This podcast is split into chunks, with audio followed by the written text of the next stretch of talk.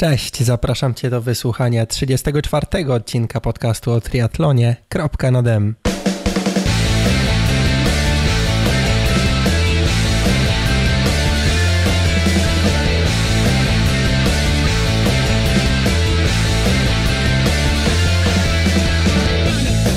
Dzisiaj będziemy rozmawiać o dwóch tematach. Po pierwsze o prawie, które reguluje ruch rowerowy na drogach, a po drugie o infrastrukturze, czyli o ścieżkach rowerowych, y, czym one są oraz z jakimi problemami napotykają się miasta, władze miast w przypadku budowy dróg. Skąd się biorą różne dziwne artefakty na, na drogach y, rowerowych, dlaczego nie jest tak, jakbyśmy chcieli, żeby było. Yy, tak, spotkałem się, aby nagrać ten podcast w zarządzie Dróg i Zieleni w Gdyni z panem Jakubem Furkalem i w sali konferencyjnej nagraliśmy tę oto rozmowę, którą y, chciałbym, żebyś wysłuchał. Ten podcast w ogóle chodził mi od dawien dawna po głowie, taki temat. Może mało triatlonowo-sportowy, ale wiele, wielu z nas, wielu z Was to jeszcze do pracy na rowerze i, i po prostu chciałem tę porcję wiedzy zawrzeć w kropce na dem, żeby móc się chociażby do niej później odnosić. Zapraszam do wysłuchania lub do obejrzenia.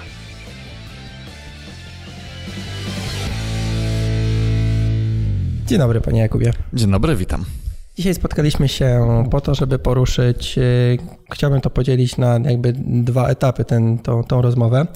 Y, pierwsza to kwestie prawne związane z poruszaniem się rowerem po, po mieście, po drogach krajowych też, no ale głównie jakby po mieście. E, mówię, kwestie prawne z też z dużym naciskiem na, na zdrowy rozsądek i tutaj doświadczenia e, z tego, co się dzieje na mieście. E, a druga kwestia to budowa infrastruktury w miastach, jak to mhm. wygląda patrząc na ten duży obrazek. Mhm. E, czyli jak to wygląda od strony, od strony miasta. I, I, pierwsze pytanie, pan jeździ na rowerze? Oczywiście, codziennie i to właściwie bez wyjątków. Tam e, takie pojęcie, Zima? No, takie pojęcie sezonu rowerowego właściwie u osób, które jeżdżą codziennie nie istnieje, ponieważ taki sezon y, ostatniego dnia roku się kończy, a 1 stycznia się zaczyna, także y, zimą też się da jeździć. Mm -hmm, a jakieś wywrotki zimą? No bo czy tutaj raczej jakieś no właśnie odśnieżone? nie, dlatego, że zimą to wszyscy, również rowerzyści też jeżdżą tak samo jak i kierowcy wolniej, ostrożniej, po prostu wiedzą, mm -hmm. że w każdej chwili może się coś stać. Y, każdy się odpowiednio, nie wiem czy przygotowuje, ale powinien przygotować do jazdy zimowej poprzez chociażby obniżenie siodełka albo trochę lekkie spuszczenie powietrza z opon, żeby mhm. była większa płaszczyzna styku. Y, no, do tej pory udało się bez wywrotek. Można jeździć. Okej, okay, a jaka jest, bo tutaj spotykamy się w zarządzie dróg i zieleni, tak? Y, Dokładnie. W mieście Gdynia. Jaka jest Pana funkcja w ogóle w mieście? Y, od roku jestem tutaj na stanowisku kierownika zespołu, samodzielnego zespołu do spraw ruchu rowerowego. Mhm. Tam są um, trzy osoby, które zajmują się na co dzień właśnie sprawami ułatwiającymi rowerzystom poruszanie się rowerem po mieście. Mhm, Okej. Okay. I przejdźmy może od razu już do tych e, kwestii prawnych. Co reguluje, jaka, jaki papier reguluje e, kwestie prawne, jeśli chodzi o poruszanie się rowerzysty? Mhm. Przede wszystkim jest to ustawa prawo o ruchu drogowym. Jest mhm. to podstawowy y, akt prawny, który e, obowiązuje wszystkich poruszających się po drodze i tutaj rowerzyści muszą pamiętać o tym, że pojazd, e, że rower jest pojazdem. Mhm. Tak, no, oczywiście ta, ta ustawa jest dosyć długa, ale w największym skrócie jest kilka takich zasad obowiązujących rowerzystów. Przede wszystkim to, że rowerem nie można poruszać się po chodniku, z wyjątkiem, no tam są trzy wyjątki. Natomiast co do zasady, to y, rower jest pojazdem i jego miejsce jest albo na drodze dla rowerów, a w, w razie jej braku na jezdni. Mhm. Y, oczywiście y, te trzy wyjątki to są złe warunki atmosferyczne.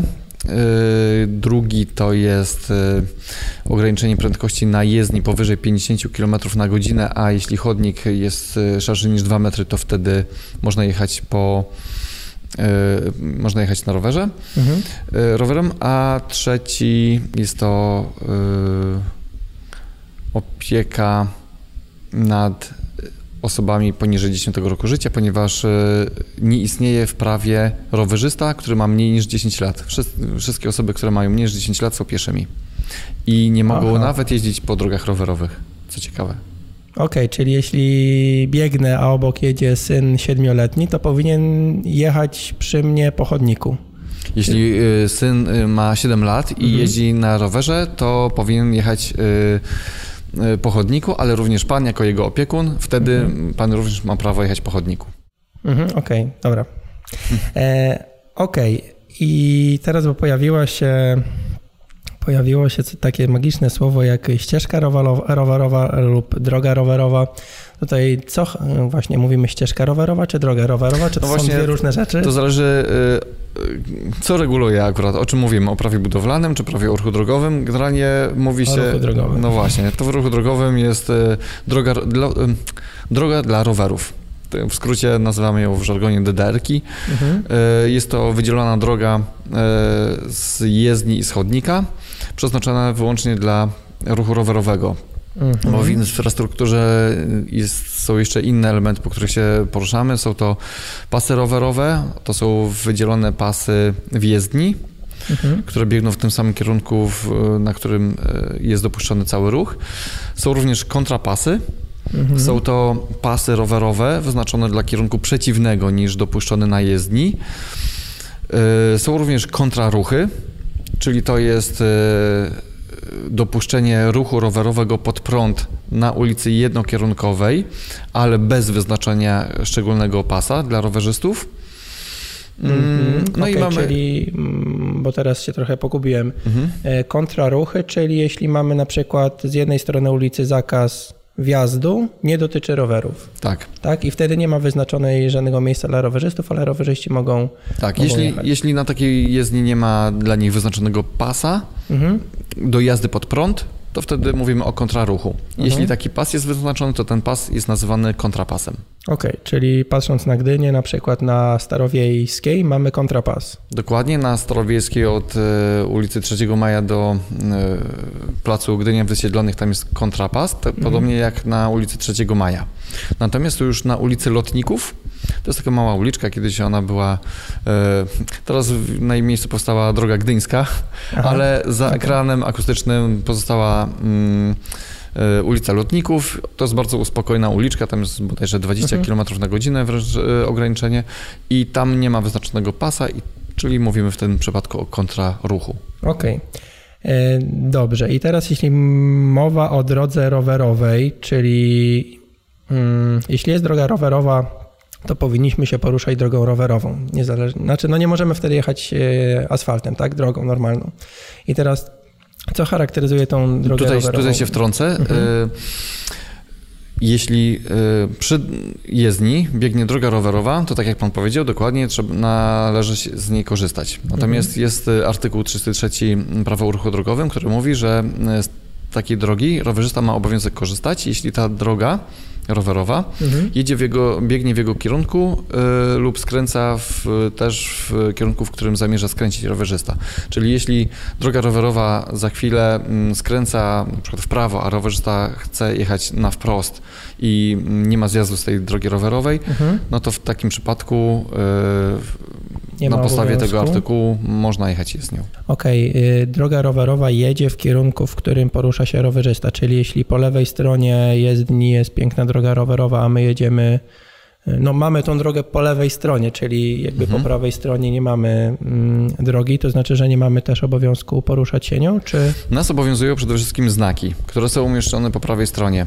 Jeśli okay. jedziemy sobie jezdnią i nagle Żadne znaki nas nie informują o tym, że jest y, jakakolwiek y, droga rowerowa, z której mamy obowiązek korzystać. Mhm. I ob, odwracamy się w lewo, widzimy, że za barierą, na przykład y, dzielącą dwie jezdnie, gdzieś tam zaczęła się nagle droga rowerowa, no to w tym przypadku nie mamy z niej obowiązku korzystać, ponieważ nie mamy jak się do niej dostać. Mhm. Tak? Nie, nie, weźmiemy roweru na plecy, nie będziemy przechodzić przez cztery pasy jezdni, przez barierki Jasne. dzielące, mhm. ponieważ to jest no, niebezpieczne ani też nie niewskazane. Dlatego y, w takim przypadku dalej mamy prawo korzystać z jezdni. Okej, okay, i teraz y, co z, bo często, gęsto, albo najczęściej spotykamy się z y, taką sytuacją, że jest po prostu chodnik z wydzieloną z wydzielonym pasem do ruchu rowerowego, mm, to nie jest droga rowerowa. Nie, to są tak zwane ciągi pieszo-rowerowe mhm. i ciągi pieszo-rowerowe są takim no, tworem, czy takim, takim miejscem, e, którego chyba za bardzo nie lubią ani rowerzyści, ani piesi, no. dlatego że... Mm, piesze ma tam pierwszeństwo. Piesie ma, dokładnie, piesze ma tam pierwszeństwo, mhm. ale też e, pojawiający się tam rowerzysta e, stwarza taki niepokój u pieszego. Mhm.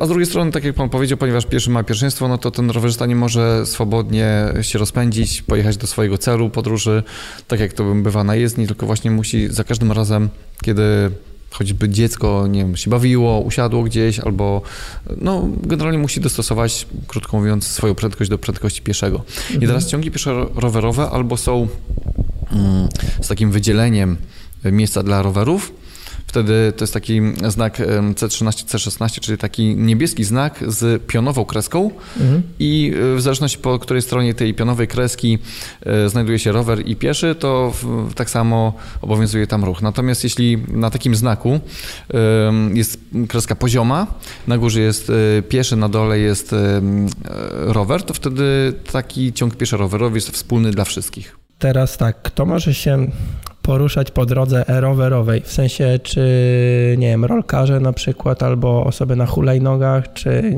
to, że mają kółka, to nie znaczy, że że mogą jeździć na tego typu drodze? No właśnie, to jest y, częste pytanie, dlatego że droga rowerowa, jak sama nazwa wskazuje, jest przeznaczona do ruchu rowerowego. Mhm. Nawet nie mogą się po niej poruszać motorowery. Mhm. Y, natomiast y, z drugiej strony mogą poruszać się osoby na wózkach inwalidzkich. E, tak, natomiast e, na takich drogach faktycznie e, według prawa nie mogą się poruszać ani rolkarze, ani deskorolkarze, ani na hulajnogach, dlatego że w świetle prawa takie osoby są pieszymi i mhm. powinni porusza, powinny poruszać się mm, po chodnikach, natomiast trochę przepisy no, nie zawsze odzwierciedlają życie, dlatego są takie miejsca, w Gdyni, jak na przykład bulwar nadmorski, gdzie jest wyznaczone y, miejsce dla pieszych i droga rowerowa. Co prawda tam jest miejsce dla rowerów stricte, natomiast y, dzień w dzień możemy zauważyć, że jest tam mnóstwo rolkarzy i osób na hulajnogach. No, ta droga akurat ma taki charakter rekreacyjny, dlatego to nie jest no, po prostu droga rowerowa przyjezdni, tak? Dlatego tam powiedzmy tam się trochę przymyka oko i Jasne. Wszyscy no, mogą się pogodzić. Ten zdrowy rozsądek, znaczy może nie zdrowy rozsądek, ale takie logiczne patrzenie. No też często ja jakby biję się w pierś, bo jeśli jest y, droga rowerowa asfaltowa, a obok betonowy chodnik i biegnę, no to też wolę biec po asfalcie. No, tak, jakby i... Chociaż dla biegaczy najlepsze są takie na wierzchni bardziej sprężynujące, gleba, prawda? No, tak, wtedy, tak, się, tak, tak. wtedy stawy odpoczywają. No, może Dokładnie. Mhm. Okej, okay. i Tutaj, jeśli chodzi o prawo, chciałbym trochę skierować się w kierunku takich sytuacji spornych albo właśnie braku tego zdrowego rozsądku. E, jeśli mamy skrzyżowanie mm, drogi normalnej z przejściem dla pieszych i przy przejściu dla pieszych jest droga rowerowa, która również przecina tą drogę asfaltową. No i teraz na tego typu skrzyżowaniu zarówno pieszy, jak i rowerzysta jeśli zaraz za, za tą, za, zaraz, znaczy zaraz obok jest skrzyżowanie jakby dla samochodów, no to mm, rowerzysta ma pierwszeństwo, tak? Um, Okej, okay. mówimy o przejeździe rowerowym obok przejścia dla pieszych. Tak. Um, jeśli y, droga, hmm, już wiem chyba o co chodzi. Jeśli y, droga rowerowa, mhm. mhm. jeśli droga rowerowa biegnie równolegle do jezdni mhm. i mamy mm, przecięcie uliczki, z której samochody na przykład jadąc e, wprost, powiedzmy obok, równoległe do rowerzysty mhm. i, i, taki samochód skręca w prawo, przecinając mhm. drogę rowerową. To na takiej drodze rowerowej y, rzeczywiście rowerzysta ma pierwszeństwo. Mhm. Czyli ten, który się pojawia, y, porusza na wprost y, przy głównej trasie, to taki Mm, kierowca musi ustąpić pierwszeństwa rowerzyście. To jest zmiana sprzed y, całkiem niedawna, chyba sprzed dwóch lat, o ile dobrze mhm, pamiętam. Okay. tak, natomiast jeśli mówimy o samych przejazdach rowerowych, koło przejść dla pieszych, mhm. no to właściwie to trzeba też y, to odnieść do sytuacji, w której, o której mówimy, bo często są to sygnalizowane y, skrzyżowania czy mhm. przejścia z przejazdami, także co do zasady, to jest to, co powiedziałem przed chwilą. Osoba poruszająca się na rowerze na wprost ma pierwszeństwo przed skręcającym pojazdem. Okej, okay, a jeśli mm, mamy tego typu skrzyżowanie właśnie, że jedziemy równolegle do samochodu, samochód mhm. skręca w prawo, mhm. my, my mamy pierwszeństwo, natomiast pierwszeństwo nad tym samochodem, który mamy po lewej stronie jako rowerzysta.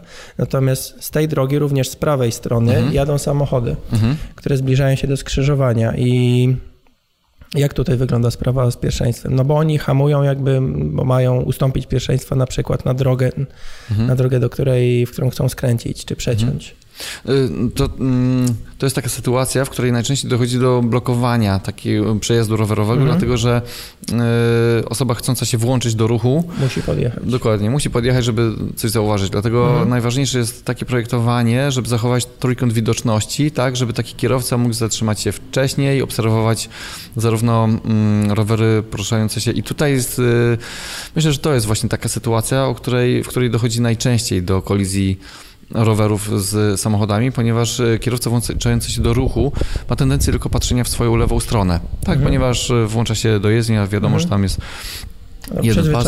Tak, więc patrzy się tylko w lewą stronę. Na przykład e, natomiast droga rowerową, rowerowa, którą za chwilę przetnie, Zazwyczaj w 90 kilku procentach, bo dróg jednokierunkowych mamy bardzo mało w Gdyni, właściwie można na palcach jednej ręki policzyć, to ruch taki rowerowy zazwyczaj jest dwustronny. No i taki kierowca musi pamiętać, żeby sprawdzić z prawej i z lewej strony, czy coś nie nadjeżdża. Co do pierwszeństwa, no to tak jak y, z przejściem dla pieszych, y, rowerzysta znajdując się na przejeździe, jak i pieszy znajdując się na przejściu dla pieszych, wtedy ma pierwszeństwo. No ale mhm. tutaj jest właśnie kwestia jakiegoś takiego wzajemnego szacunku bardziej, tak? Jasne. I obserwacji. No, myślę, że to jest ponad y, wszelkimi zasadami, żeby, mhm. żeby myśleć po prostu. Tak. Um, Okej, okay, no ja mm, tak z własnego doświadczenia powiem, że wbiłem sobie do głowy, że gdy podjeżdżam do, do skrzyżowania, to traktuję po prostu to jako, jako dwa skrzyżowania, czyli zatrzymuję się, czy mocno zwalniam przed jakby pierwszym skrzyżowaniem, czyli załóżmy droga rowerowa. Szczególnie, mhm. że dużo ciężej wyłowić jadącego rowerzystę z tłumu gdzieś na chodniku, mhm. ciężej wyłowić okiem niż samochód i po prostu później dojeżdżam do, do skrzyżowania, ale e, tutaj kwestia tego projektowania jak najbardziej, żeby jeden samochód jakby mieścił się między drogą, na którą chce wjechać, a żeby tyłek jakby mu nie wystawał na, na ten przejazd. Mhm. E, dobra. Mm, wyprzedzanie. Są korki, samochody jadą powoli. Jak rowerzysta może się zachowywać na tego typu drodze? I tutaj też zaszła zmiana, o ile dobrze mówię, bo była e, ostatnia nowelizacja prawa o ruchu drogowym mhm. i jeśli to jest ta sprzed dwóch lat, to cały czas o tej samej mówimy. E, od niedawna rowery mogą wyprzedzać stojące samochody w korku z prawej strony również. Wcześniej mhm. nie było to możliwe, mm, teraz już mogą. Jest to takie ułatwienie, no ponieważ e, często dochodzi do takich sytuacji, że rower po prostu ma miejsce z tej prawej strony, żeby podjechać chociażby do czerwonego światła. Mhm. Wcześniej nie mógł tego robić, mógł wyprzedzać lewą stroną wyłącznie. Teraz i owszem, jest to możliwe. Y, wyprzedzanie w ruchu, no to na zasadach ogólnych, czyli zawsze z lewej strony. Mhm, Okej. Okay. Gdzieś w jakiejś rozmowie odnośnie właśnie kodeksu drogowego usłyszałem coś takiego jak sierżant mhm. rowerowy? Tak, to jest taka, to jest, znak? To jest potoczna nazwa, no, tak zwane oznakowanie P27, czyli to jest takie um, też e, dosyć nowe oznakowanie, poziome. Mhm. Jest to symbol roweru z takimi dwoma grotami jak na... Nad rowerem, tak. Jak, Aha, jak dokładnie jak mhm. sierżanci mają. Tak. E, jest to oznakowanie toru ruchu rowerowego i Oznacza się to oczywiście malowaniem na jezdni y, w takich miejscach, w których y, rowerzyście trudno odnaleźć swój tor, w którym powinien się poruszać, tak żeby ten ruch na danym skrzyżowaniu był uporządkowany. Także y, taki znak ma też za zadanie jakby przypomnieć samochodom, mhm. przepraszam, kierowcom, mm, że w tym miejscu może się spodziewać rowerzystów. Takie sytuacje są w, na przykład na ulicach jednokierunkowych z dopuszczanym kontraruchem.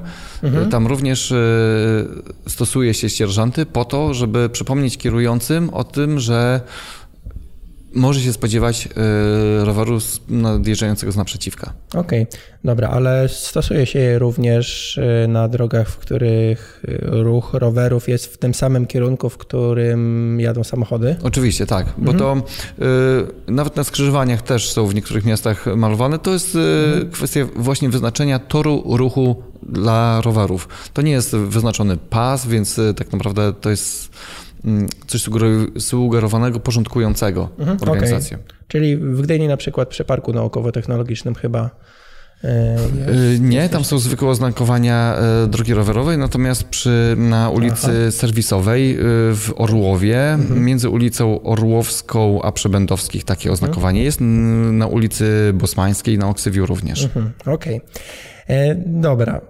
Omówiliśmy sobie wcześniej skrzyżowania, na skrzyżowaniach często gęsto, no może nie często gęsto na szczęście, ale dochodzi do e, jakiejś, nie wiem, kolizji, można powiedzieć. Mhm.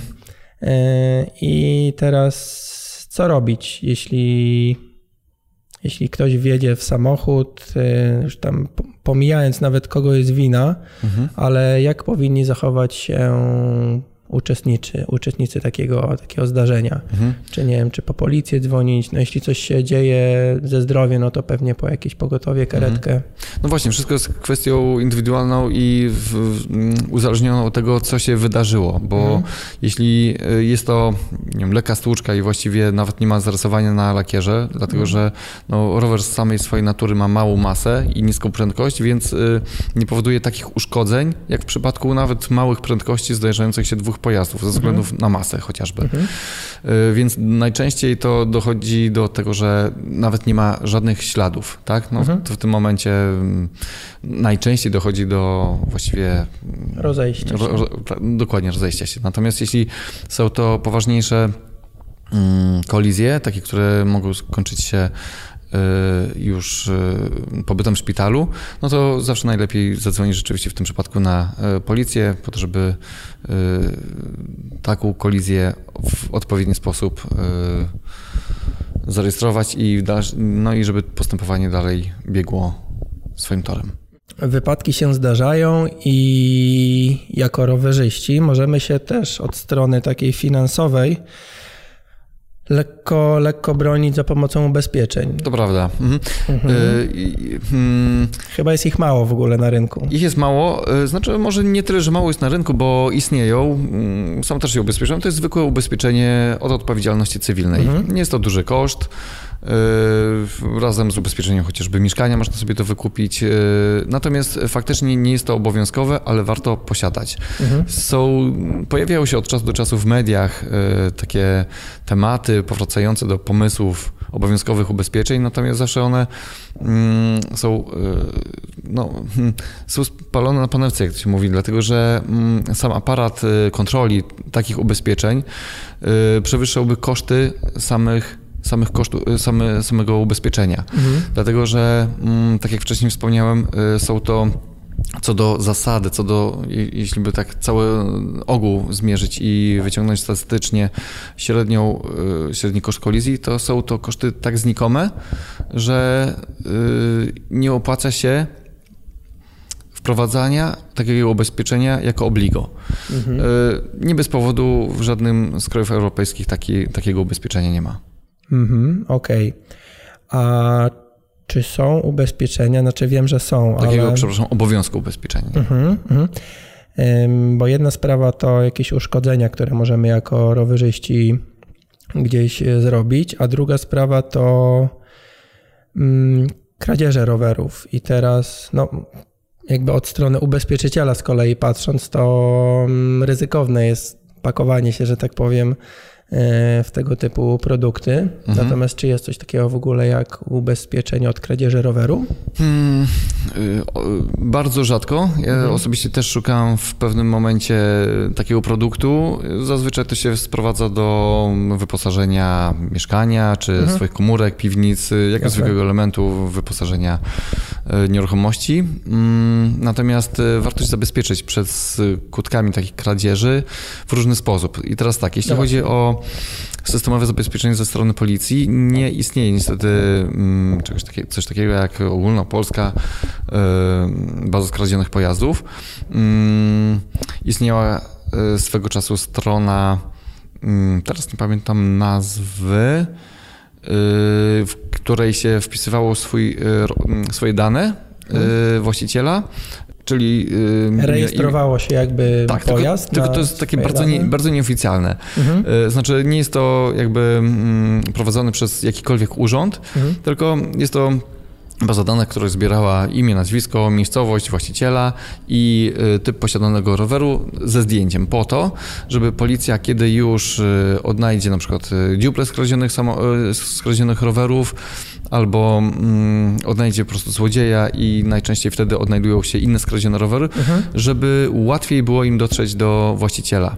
Więc dlatego najlepiej zabezpieczyć się mm, w ten sposób, że kiedy już jeszcze ten rower mamy, wierząc, że cały czas go będziemy mieć, ale mhm. mimo wszystko wykonać zdjęcie samego roweru z dwóch, trzech stron, żeby y, widać było, jaki ma na przykład cechy charakterystyczne, mhm. jak wygląda, y, dodatkowo zachowując fakturę zakupu, mhm. roweru y, z numerem ramy która się znajduje na Gdzie znajduje się numer ramy? Numer ramy jest y, ciężko dostępny, on się znajduje pod spodem, y, w miejscu, gdzie mm, mamy pedały, tak? Więc najczęściej, mhm. żeby znaleźć taki rower, trzeba albo się mocno schylić, albo przełożyć lusterko, albo wręcz odwrócić rower do góry nogami. Mhm. Czyli pod supportem jakby, tak? tak? Jest. Na, mhm. okay, na tej poprzecznej rurce, no albo wywrócić rower na bok i po prostu kucnąć. Odczytać. Mhm. E, jasne. Czyli robimy zdjęcie tego numeru seryjnego, tak? Mhm. Nazwijmy to i... Całego roweru. I ogólne mhm. jakby poglądowe zdjęcia roweru. E, dobrze. Teraz Kilka... o, o, samych, mhm. może jeszcze zabezpieczeniach y, już mechanicznych, z których mhm. y, rowerzyści korzystają. No tutaj od razu moim obowiązkiem wręcz jest zapelowanie o nieużywanie tak zwanych linek rowerowych, ponieważ one wręcz zapraszają złodziei. To jest żadne zabezpieczenie i się pokonuje w sekundę, dwie, trzy. Nie potrzeba do tego żadnych dużych narzędzi, które rzucają się w oczy. Są to no, niemalże sznureczki, za przeproszeniem, które bardzo łatwo się odcina, nie zwracając uwagi nikogo i takie rowery najczęściej są kradzione. Jeśli dostajemy informację o tym, żeby opublikować informację o jakimś skradzionym rowerze, Zawsze przy okazji pytamy, w jaki sposób był zabezpieczony, no i niestety w większości przypadków, jeśli nie we wszystkich, zawsze otrzymują odpowiedź, no przypięty był linką. No, no niektóre, to jest najbardziej niektóre, popularne, nie? Dokładnie, ze względu na swoją cenę. Mhm. No natomiast jeśli no, chcemy jakby mieć, y, cieszyć się tym rowerem dłużej, to warto zainwestować w bardziej trwałe y, i wytrzymałe mm, zabezpieczenia, takie jak gruby łańcuch, ulok, bądź takie składane zabezpieczenia też z twardego metalu. Składane mm, w tak jak miarka kiedyś dokład, drewniana, tak? Dokładnie okay. tak. Mhm. To są najbardziej wytrzymałe zabezpieczenia. Jeśli potencjalny złodziej y, zauważy taki rower, to tak naprawdę najczęściej odejdzie szukając y, innego. Też należy pamiętać, żeby y, najlepiej nie, nie zapinać roweru o samą ramę, tylko jeśli długość uloka bądź łańcucha, łańcucha na to pozwoli, to żeby zapinać również koło, dlatego że najczęściej są też kradzione po prostu no, na przykład koła, tak, albo jeśli to też jest kolejny błąd w przypinaniu, przypinanie do jakiegoś tam nie, nieruchomego elementu samego koła. Jeszcze no. najgorzej to przedniego, dlatego że tam wystarczy tylko odchylić śrubkę i no właściwie tak, tak. cały rower jest bez przedniego koła. No to znane przypadki w mhm. internetach. Dlatego, dlatego tak właśnie walczymy też, może nie tyle walczymy, to jest takie słowo może zbyt może ostre, ale e, nie zalecamy stojaków na rowery, tak zwanych wyrwikułek, które wręcz zachęcają do parkowania o przednie koło, o opierania mhm. przednie koło, dlatego że siłą rzeczy, no nie wszystkie linki ani uloki sięgają do ramy i, mhm. siłą rzeczy każdy po prostu przypina to przednie koło. Jasne, no, no i dlatego jest... w Gdyni możemy spotkać te wysokie takie jakby Ukształtne stojaki. Tak, mhm. są to najbardziej sprawdzone, praktyczne stojaki, które montuje się właściwie na całym świecie. Okej, okay, jeśli chodzi o kradzieże, to często gęsto na trasach, na których ja jeżdżę, Mm, akurat wyjazdy z Rumi, widzę jak policja stoi, zatrzymuje rowerzystów i no ja tam mnie nigdy nie zatrzymali, ale z tego co widziałem czasami e, jakby sprawdzali numery seryjne albo jakby prowadzili jakąś ewidencję i spisywali rowery, które się przemieszczają po mieście. Hmm. Czy spotkał się pan z jakimiś takimi praktykami ze strony policji? Są takie akcje e, rzeczywiście sporadycznie prowadzone, kiedy mhm. są e, spisywane numery numery okay, rowerów do jakiejś wewnętrznej, może y, lokalnej bazy, tak, policji. Mhm. Natomiast y, jako systemowa ogólnopolska taka nie istnieje, natomiast warto dać się spisać wtedy być może, jeśli trochę wcześniej, czy za chwilę odnajdzie się jakiś, tak jak wcześniej powiedziałem, większa liczba skradzionych rowerów, to wtedy mhm. policja ma łatwiejszy dostęp do właściciela. E, okej, okay. przygotowując się do odcinka też y, takie pytanie dostałem od y, słuchaczy, że pytali się o wyposażenie roweru i tutaj dwie kwestie chciałem poruszyć. Kwestia kasku, no bo reszta mm, jakby nie, może jeszcze, jeszcze inaczej. Jakie jest pod, podstawowe wyposażenie roweru? Jednak powiedzmy to od A do Z. Jasne. No przede wszystkim hamulec, przynajmniej jeden mhm. sprawny, sygnał dźwiękowy, oświetlenie przednie i tylne Mhm. Przy czym oświetlenie przednie y, w ciągu dnia nie musi być zamontowane na stałe. To jest też taka mhm. zmiana w, w niedawnej nowelizacji y, pordu. Natomiast y, plus oświetlenie tylne. I teraz oświetlenia należy używać tylko od zmierzchu do świtu. Mhm. I tutaj wielki apel do rowerzystów, żeby pamiętali o oświetleniu właśnie po zmierzchu, dlatego że wie nie jest trudno zauważyć, znaleźć rowerzystę bez oświetlenia jadącego wręcz po ciemku. Taki mhm. rowerzysta jest, y, stanowi zagrożenie nie tylko dla siebie, ale dla innych i to również y, dla innych rowerzystów. Y, na takich rowerzystów mówi się wręcz batmani, dlatego są totalnie niewidoczni. Łatwo o zdarzenie i prośba, żeby pamiętać o takim oświetleniu i, i zawsze stosować je po zapadnięciu zmierzchu. I też, żeby pomyśleć, sprawdzić to oświetlenie, bo, bo niektórzy jakby tak trochę, nie wiem czy kpią z przepisów, ale no zamontują jakąś lampkę na jakichś bateriach sprzed trzech lat, która świeci, tak? Ale Do, trzeba się dobrze przyjrzeć. Że, że ona jeszcze działa, świeci. tak, no tak. Właśnie, nie, więc... Baterie wymieniajmy, zwłaszcza w okresie zimowym, wtedy one mhm. miały jeszcze krótszą żywotność. Oświetlenie i jego sprawność to jest, krótko mówiąc, nasze bezpieczeństwo. Czy mhm. prędzej czy później wylądujemy w szpitalu, czy też nie. No właśnie, tak. I kask. Tutaj w kwestii kasku to jest podobnie jak z ubezpieczeniem. Kask, zarówno jak i kamizelki odblaskowe y, nie są obowiązkowe. A kamizelki właśnie, bo była też nowelizacja, że piesi muszą nosić kamizelki poza terenem, poza terenem zabudowanym. zabudowanym. Dokładnie. Rowerzyści nie muszą? Nie. A, znaczy poza, poza terenem zabudowanym y, rower jest, y, oświetlenie roweru jest, mhm. no... Przejmuje na siebie teoretycznie tę rolę, mhm, funkcję. Tak. Mhm. Natomiast kask nie jest obowiązkowy, natomiast jeśli ktoś czuje się w nim pewniej, bezpieczniej, nie ma przeciwwskazań, żeby go używać. Natomiast y, też, żeby nie mieć w świadomości, że y, wychodząc na rower, mam obowiązek go założyć, bo jak nie, to za chwilę dostanę mhm, mandat. Mhm, nie, coś takiego nie istnieje.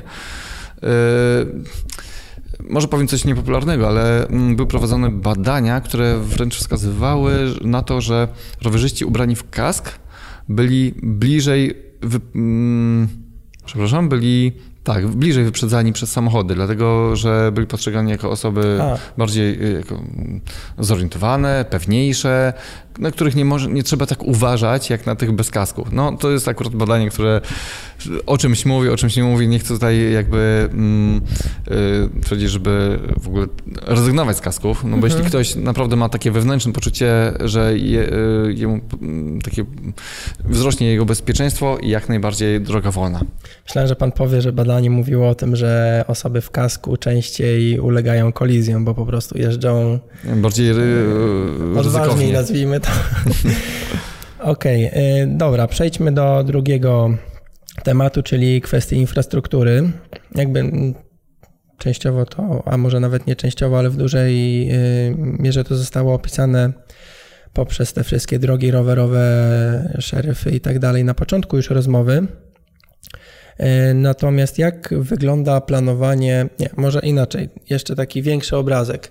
Jak wyglądają drogi rowerowe w Polsce na tle świata i jak wygląda ta infrastruktura rowerowa w Gdyni na tle Polski. Mhm.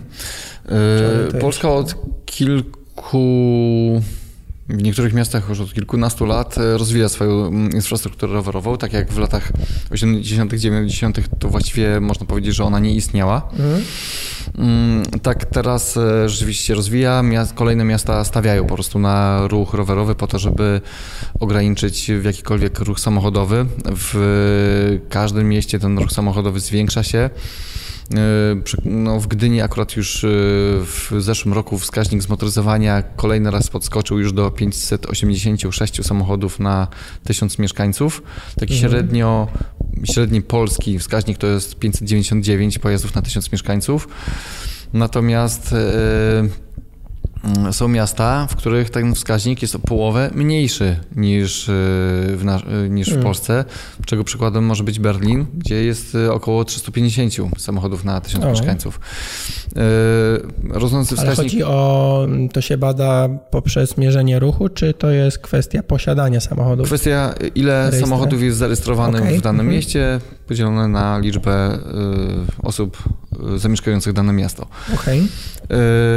Natomiast Natomiast y, zbyt duże zmotoryzowanie i zagęszczenie ulic wpływa na, na bardzo dużo, krótko mówiąc, tak? na zatłoczenie, na hałas, na zanieczyszczenie, na wypadkowość. Dlatego y, bardzo dużo miast stawia na tak zwaną mobilność aktywną, czyli na zachęceniu mieszkańców, żeby zamiast poruszać się po samochodami, wybierali y, transporty piesze, rowerowe, komunikację miejską. Mhm. E, wracając do pytania, jak wyglądamy na tle. No, w, cały czas od kilku lat za taką nieoficjalną stolicę rowerową uchodzi Gdańsk, nasze sąsiednie miasto, i więc mamy z czego czerpać dobrych przykładów. W Gdyni mamy około 50, ponad 50 kilometrów e, dróg rowerowych Mówimy teraz o samych wydzielonych drogach mhm. rowerowych, natomiast y, też zaczynamy zwiększać strefy tempo 30. Strefy tempo 30 są najfajniejszym, takim naj, najbardziej sprawdzonym środkiem, najlepszą infrastrukturą w centrach miast. Przykładowo mm, Gdańsk ma takich ulic y, już 60% w, w swojej siatce, 60% y, ulic, które wchodzą w strefę tempo 30, w tak. Berlinie jest to 80%. Ale w samym centrum miasta? Czy... Y, w, w ogóle w mieście. Aha. Mhm. Natomiast dlatego, że to nie, nie, dotyczy tylko centrów miast, ale również wewnętrznych dróg osiedlowych, czyli mhm, ulice, okay. wyłączając te główne zbiorcze i przelotowe.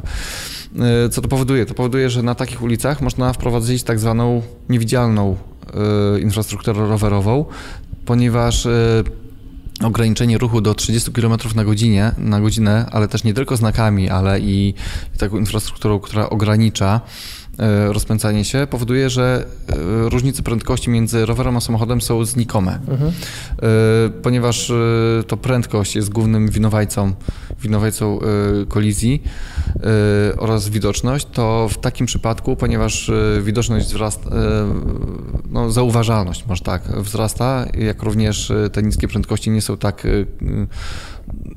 daleko idące w skutkach, więc y, na takich obszarach już nie ma potrzeby wydzielania ani dróg rowerowych, ani pasów rowerowych. Mhm.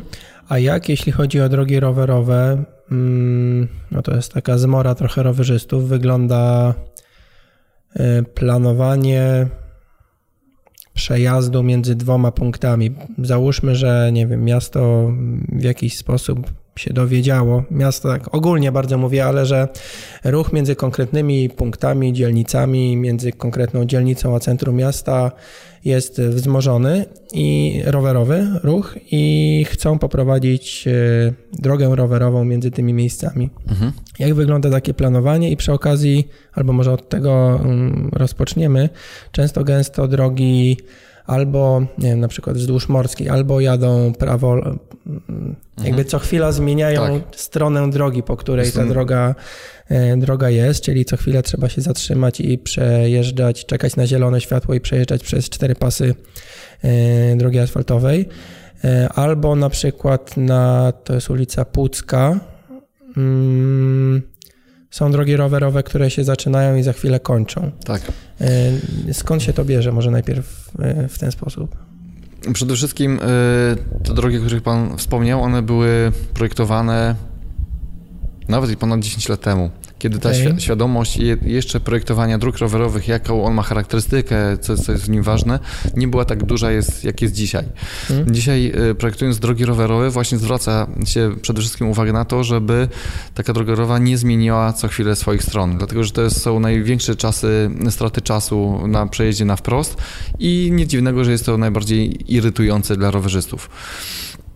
Yy, co więcej, yy, wytyczając drogę między danymi punktami, też bierze się pod uwagę oczywiście mm, własności działek, które też często są na, y, no, czasem wiążą ręce, tak? Dlatego, że no, albo jest potrzeba wykup wykupywania tych działek, albo ich w jakiś sposób objeżdżania. Mhm. No, mm, to jest dosyć trudny proces, dlatego on tyle trwa, ale już od y, paru lat przy projektowaniu zwraca się uwagę na to, żeby te drogi były przede wszystkim spójne, bezpośrednie, wygodne i bezpieczne, czyli żeby nie było to, o czym Pan mówi, co chwilę zmieniana, zmienianej strony jezdni, dlatego że no, to powoduje zniechęcenie y, do jazdy na rowerze.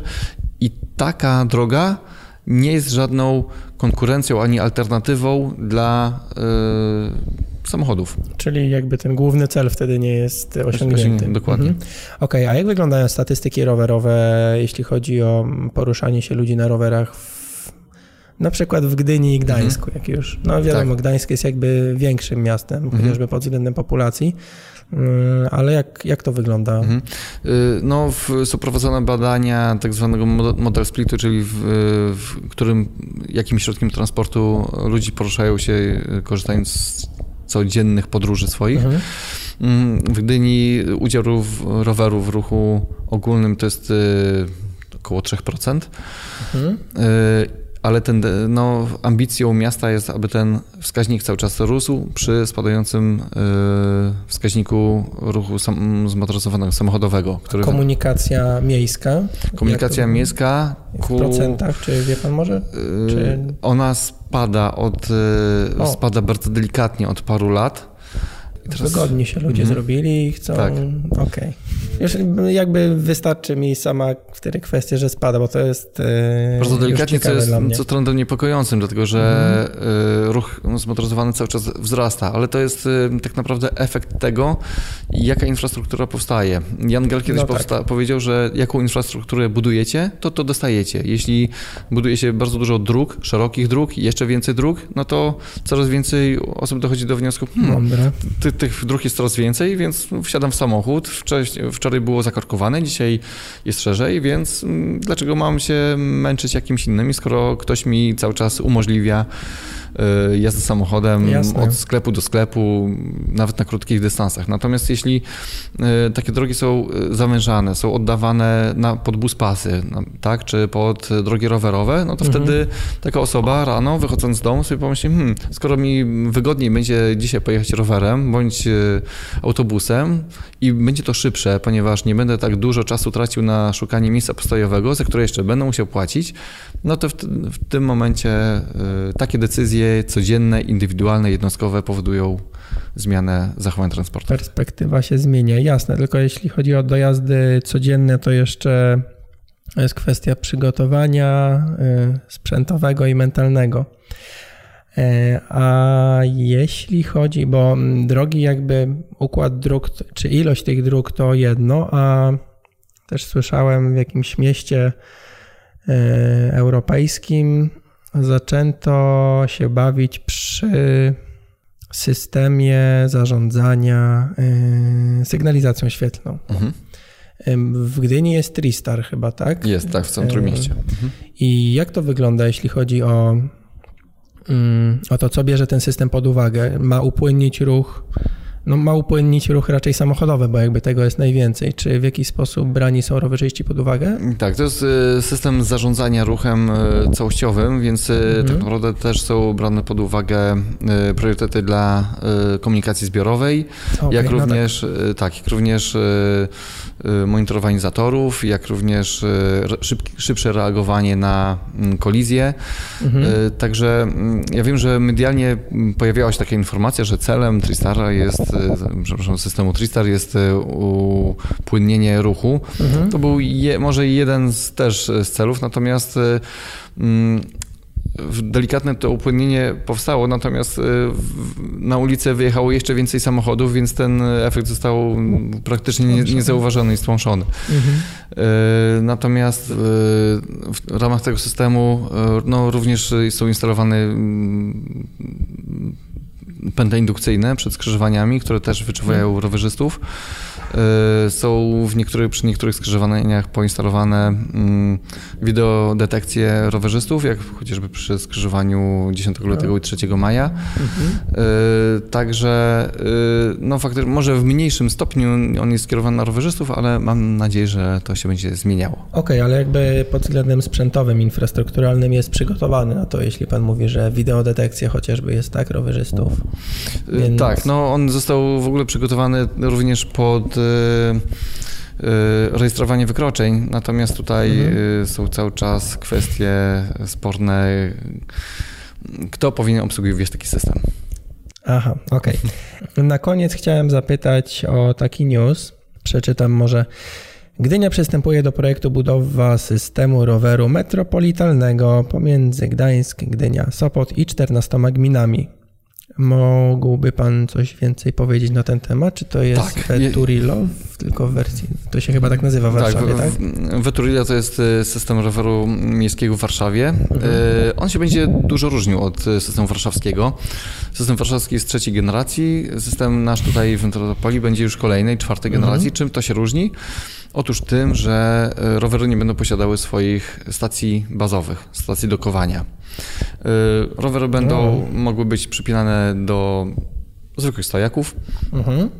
Oczywiście będą miejsca dedykowane, jakby zostawię, żeby zostawić w tym miejscu mm, rowery, natomiast nie będą to stacje dokowania, do których trzeba się dowiązać. Każdy mhm. rower będzie wyposażony w komputer, w GPS, mm, łatwy do zlokalizowania poprzez aplikację, y, do y, krótkiego zarezerwowania sobie takiego roweru, natomiast y, mm, będą one jakby nie, do, nie przywiązane do takiej stacji, czyli będą mogły być zostawiane gdziekolwiek. Okej, okay, Teraz... moment, na moment przerwie krótką rezerwację, czyli że odpalam aplikację na telefonie, widzę, że mam 300 metrów do roweru, to mogę go zarezerwować? Tak, na chwilę. Co prawda jeszcze dzisiaj nie jest, nikt nie odpowie na pytanie, jak długi jest to czas, mhm, ile okay, to dobra, kosztuje. Nie, mniej więcej o co chodzi. Mhm, ta, ta, tak, tak, tak. Mhm. Y, w tym systemie będzie niecałe 4000 rowerów we wszystkich 14 gminach. Na Gdynie przypadnie 1100 rowerów. Mhm. Mm, w tej liczbie znajdzie się, znajdą się również y, kilkadziesiąt rowerów cargo i kilka dla Sporo. osób y, starszych, niepełnosprawnych, tak zwanych trójkołowców. O, mhm. no to jest taka trochę nowość, ale y, chcemy, żeby ten rower metropolitalny był w wielu kwestiach naj, tak? czyli Jasne. najnowsza generacja, największa. Trójkołowców, czyli coś jak cargo, tylko że węższy. Tak, tak to yy, można. No to będzie taki y, z tyłu dwa kółka, z przodu jedno. Mhm. Taki rower, po którym y, będą mogły poruszać się osoby już y, czy bardziej niedołężne, czy może starsze wiekiem, mhm. które może nie do końca są, mogłyby sobie poradzić z takimi rowerami jednośladowymi. Mhm. Data wprowadzenia czegoś takiego. Tak, znaczy, no, czy to jest bardzo odległe, mniej mhm. więcej, czy to jest W tej chwili lata, odbywają się dialogi techniczne z potencjalnymi operatorami i mhm. dostawcami tych rowerów. Yy, pierwsze rowery prawdopodobnie pojawią się w, yy, latem przyszłego roku o. i będzie to mm, Pilotażowy program? Może tak bardziej podzielony na kilka etapów. Mhm. Docelowy, docelowa liczba rowerów to pojawi się latem 2019 roku, natomiast mhm. pierwsze bardziej w tarasie, tym dolnym tarasie Trójmiasta pojawią się już w przyszłym roku. Okej. Okay. I tak jak pan mówił, będzie można sobie na mapie zobaczyć, gdzie jest najbliższy rower. Tak, e, będzie go można wypożyczyć na zasadzie zbliżenia karty, zbliżenia telefonu, e, wysłania SMS-u, mhm. SMS-a za telefonu, także mhm. no, ma być to jak najbardziej przyjazne, łatwe, intuicyjne. Czy tutaj takie pytanie trochę o finanse, ale mm, czy ten projekt będzie wspierany przez miasto? Bo jeśli coś jest wspierane, wspierane przez miasto, to jest bardziej dostępne, jeśli chodzi o finansową. Tak. Przede wszystkim to jest projekt dofinansowany przez Unię Europejską, mhm. ale również okay. E, gminy też e, dokładają swoją cegiełkę do tego systemu. E, system roweru, system roweru miejskiego raczej się sam nie utrzymuje, podobnie mhm. jak komunikacja miejska. Jasne. Sopot próbował wprowadzić komercyjny system roweru miejskiego 2-3 lata temu. No, kończyło się tym, że tego roweru już nie ma. Dlatego, że stawki były wysokie, musiały być, żeby operator nie ponosił strat. Mhm. To jaki będzie koszt? Czy są jakieś plany w ogóle, jeśli chodzi o koszt wypożyczenia? I Dzisiaj jeszcze w ogóle nie ma takich informacji i mhm.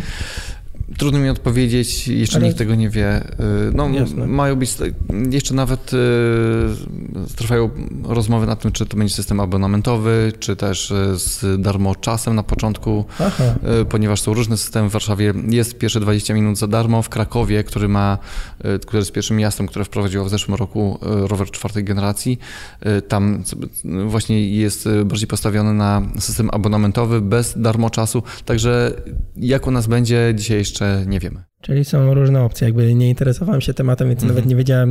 Myślałem, że po prostu wypożyczasz, jest czas i tak jak mm -hmm. nie wiem, ze strefą płatnego parkowania. Mm -hmm. e, dobra, super, bardzo dziękuję, dziękuję za, za rozmowę. I to już koniec rozmowy o dojazdach do pracy na rowerze.